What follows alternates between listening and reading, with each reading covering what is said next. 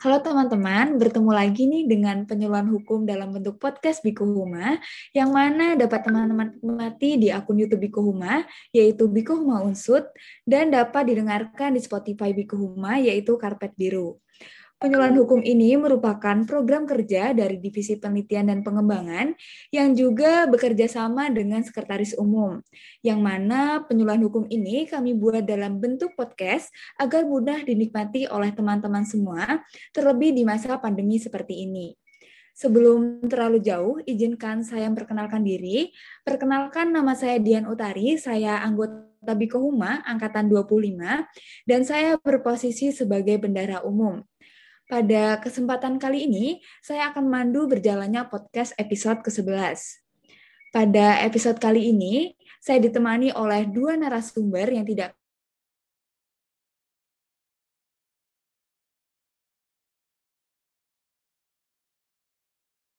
kalah keren dari narasumber pada episode sebelum narasumber kedua. Sebelum kita berdiskusi terlalu jauh, saya mempersilahkan kepada kedua narasumber untuk memperkenalkan diri. Bisa dimulai dari Kak Panogu terlebih dahulu. Silahkan Kak Panogu. Uh, terima kasih Kak Dian atas waktunya. Uh, halo teman-teman, kenalkan saya Panogu. Saya di sini sebagai anggota Biku Human dari divisi HKI. Terima kasih teman-teman atas waktunya. Baik, terima kasih Kak Panogu. Selanjutnya silakan Kak Amanda untuk memperkenalkan diri. Baik, terima kasih atas waktunya Kak Dian. Perkenalkan teman-teman, nama saya Amanda Jaya Pramita. Saya anggota Bigo Bunga Angkatan 26 dan saya berposisi di Divisi Pidana dan juga Perdata. Baik, terima kasih Kak Panogu dan Kak Amanda atas perkenalan dirinya.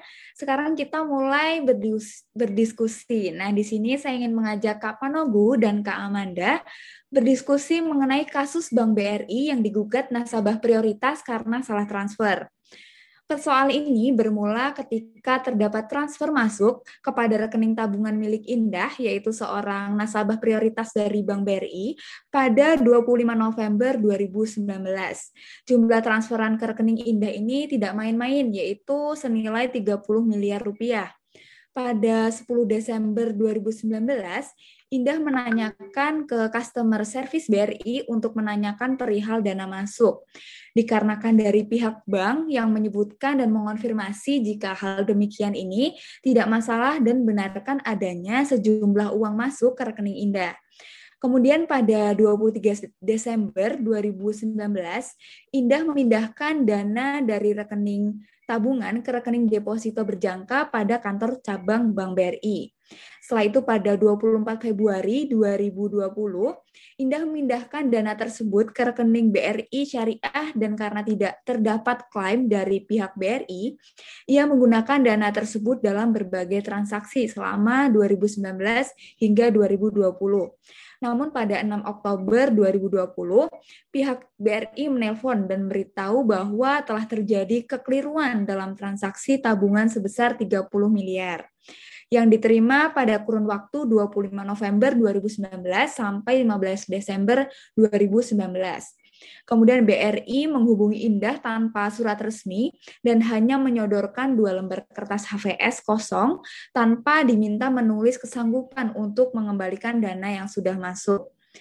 Nah, karena kasus ini berkaitan dengan nasabah bank, di sini saya ingin menanyakan kepada narasumber kita yang pertama, yaitu Kak Panogu, Mungkin bisa dijelaskan Kak, apa saja sih hak dan kewajiban nasabah? Silahkan Kak Panogu. Uh, terima kasih atas waktunya Kak Dian. Uh, kebetulan saya ingin bertanyakan, suara saya kedengeran kan ya? Iya, kedengeran Kak. Oke, pertama uh, paling dalam hal hak dan kewajiban uh, dari nasabah itu mungkin ada dua perspektif nih teman-teman. Bisa kita dari undang-undang PK dan juga perbankan pada umumnya. Kalau dalam PK itu kita bisa menganalogikan seperti ini kayak misalnya nasabah itu dia itu konsumen dan bank itu ya penyedia jasa. Kalau misalkan ada ada hubungan hukum antara penyedia jasa dan konsumen pasti menimbulkan hak dan kewajiban. Terus yang kedua udah di perbankan pada umumnya. Di sini hak dan kewajiban dari seorang nasabah pertama haknya itu yang pertama mendapatkan layanan jasa yang diberikan oleh bank seperti fasilitas kartu ATM. Terus yang kedua, mendapatkan laporan atas transaksi yang dilakukan melalui bank. Yang ketiga, menuntut bank dalam hal terjadi pembocoran rahasia nasabah. Yang keempat, mendapatkan agunan kembali bila kredit yang dipinjam telah lunas. Yang kelima, mendapat jasa uang pelelangan dalam hal agunan dijual untuk lunasi kredit yang tidak dibayar. Yang keenam, serta berhak untuk mengetahui produk-produk apa saja yang ditawarkan oleh bank tersebut dan juga terkait dengan kewajiban dari nasabah. Yang pertama, mengisi dan menandatangani formulir yang telah disediakan oleh bank sesuai dengan layanan jasa yang diinginkan oleh calon nasabah. Yang kedua, melengkapi persyaratan yang ditentukan oleh bank. Yang ketiga, menyetor dana awal persyaratan yang ditentukan oleh bank. Dalam hal ini, dana awal tersebut cukup bervariasi tergantung dari jenis layanan jasa yang diinginkan. Yang keempat, menyetor dana awal yang ditentukan oleh bank yang kelima, maaf eh, teman-teman, menyerahkan buku cek, buku cek atau giro biliar atau tabungan. Uh, mungkin cukup begitu dulu Kak Dia. Baik, terima kasih Kak Panogu atas penjelasannya. Uh, selanjutnya saya ingin menanyakan nih Kak terkait prinsip-prinsip hukum perbankan. Nah, apa saja sih Kak prinsip-prinsip dari hukum perbankan itu? Silahkan Kak Panogu. Nah, ini pertanyaan sangat dasar sekali untuk menanyakan prinsip-prinsip hukum perbankan. Yang yang saya tahu atau mungkin teman-teman tahu eh, prinsip-prinsip hukum perbankan itu ada empat. Yang pertama prinsip kepercayaan, yang kedua kehati-hatian, yang ketiga kerahasiaan, yang keempat mengenali sabar. Dan ketika setiap da, salah satu atau setiap dari prinsip ini dilanggar, pasti pun ada hukuman yang akan di, yang akan diterima. Misal dalam kasus ini kan melanggar prinsip kehati-hatian makanya hukuman diterima itu sekitar 100 juta rupiah paling itu sih kak dia Baik, terima kasih Kak Panogu. Nah, selanjutnya di sini saya ingin beralih ke narasumber kita yang kedua, yaitu Kak Amanda. Nah, Kak Amanda di sini kan eh, kasusnya di sini salah transfer yang dilakukan oleh Bank BRI kepada nasabah prioritas. Nah, di sini eh, kasus salah transfer ini apakah termasuk tindak pidana pencucian atau bukan ya, Kak? Silahkan, Kak Amanda.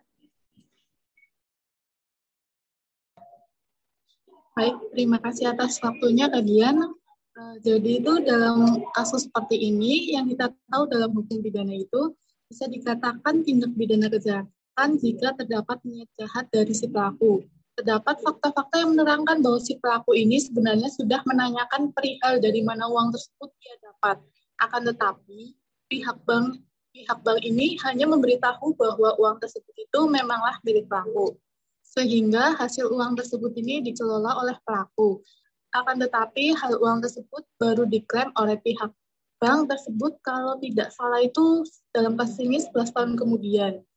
Kemudian pada fakta tersebut memang telah terpenuhi unsur tindak pidana pencucian uang. Bahkan mengenai pasal hukuman pidana yang terdapat dalam pasal 85 Undang-Undang Transfer Dana. Tetapi balik lagi nih, apakah memang ada niat jahat dari si pelaku atau tidak? Karena pelaku juga telah beritikat baik menanyakan apakah memang pihak bank ini telah salah transfer dan bisa membuktikannya. Alhasil berdasarkan dari wawancara realita TV bersama dengan nasabah serta kuasa hukumnya, itu mengatakan belum mendapat bukti tersebut. Jadi masih terdapat keraguan apakah termasuk tindak pidana pencucian uang atau bukan.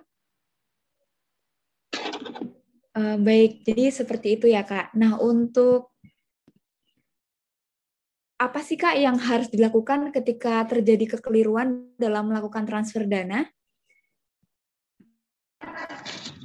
Ya, jadi eh, jika ada kekeliruan ini dalam Undang-Undang Undang-Undang Transfer Dana pasalnya itu yang ke-56 dan 57 serta dibantu dengan Peraturan Bank Indonesia nomor 14 garing 23 garing PBI garing 2012 dapat dilakukan pembatalan atau perubahan untuk memperbaiki kekeliruan tersebut yang mana memiliki jangka waktu selama satu, satu hari kerja sejak diketahuinya terjadi kekeliruan dan bagi yang terlambat melakukan perbaikan, maka wajib membayar jasa, bunga, atau kompensasi kepada penerima, atau semua akan teralihkan kepada penerima sepenuhnya. Begitu, kajian.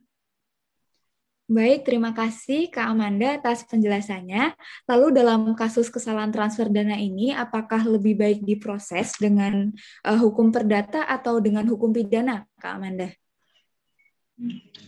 Ya, kalau dilihat dari pasal 5 ini ya, yang menjelaskan perintah transfer dana yang telah memperoleh pengaksepan berlaku sebagai perjanjian sehingga akan lebih baik ketika pihak bank dan tersangka ini dipertemukan untuk melakukan perdamaian atau memperbaiki kekeliruan yang terjadi terlebih dahulu. Uh, baik, terima kasih Kak Panogu dan Kak Amanda atas penjelasannya. Dan terima kasih sudah menyempatkan jadi narasumber pada podcast episode kali ini. Semoga kita semua selalu diberikan kesehatan dan semoga dunia ini cepat pulih agar kita semua bisa segera berkumpul seperti sedia kala. Terima kasih juga teman-teman yang sudah menonton dan mendengarkan podcast ini sampai akhir. Podcast Biko Huma ini dapat teman-teman nikmati di channel YouTube Biko Huma, yaitu Biko Huma Unsut, dan juga dapat didengarkan di Spotify Biko Huma, yaitu Karpet Biru, yang mana setiap bulannya akan ada podcast dengan topik-topik yang menarik dan pastinya bermanfaat bagi kita semua. Sekali lagi terima kasih, mohon maaf apabila ada kata-kata yang salah atau kurang berkenan di hati. Sampai jumpa lagi di episode selanjutnya. Terima kasih semuanya. Terima kasih, Kak Dian.